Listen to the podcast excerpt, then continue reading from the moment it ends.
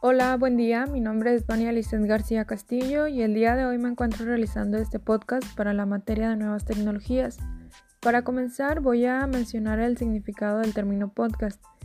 Esto es una publicación digital en formato de audio o video que podemos reproducir o descargar a través de Internet. Hoy en día existen varias plataformas donde podemos encontrar podcasts de forma gratuita o con pago mensual o anual yo les recomiendo Spotify, es la que yo utilizo. Pago 30 pesos mensuales en plan familiar y tiene mucho contenido.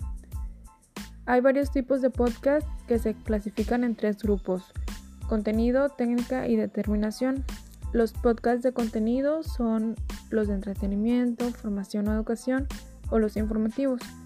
Los podcasts de técnica se clasifican en audio, video o screencast y los podcasts de determinación pueden ser de monólogo, grupales, de entrevista o debate.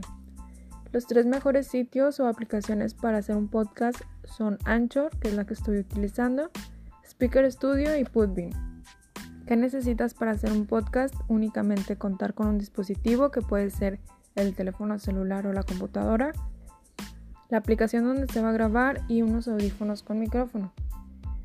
Los cinco conceptos que yo seleccioné sobre la unidad 1 son los siguientes. El concepto número uno es la estructura, que este término significa la disposición de las partes que integran un todo, define la organización de los elementos que lo componen. El segundo término es el formato, que se refiere al diseño de la apariencia general de los documentos. El tercer término es estilo, un estilo es un recurso que permite agilizar el proceso de dar formato a un texto. Es el conjunto de especificaciones de un formato establecidos y grabados con un nombre que se le asignan a elementos de texto. El cuarto concepto es estilo párrafo. Este es el que afecta a párrafos completos y establece formatos de fuente y de párrafo como tipo, tamaño, estilo o color.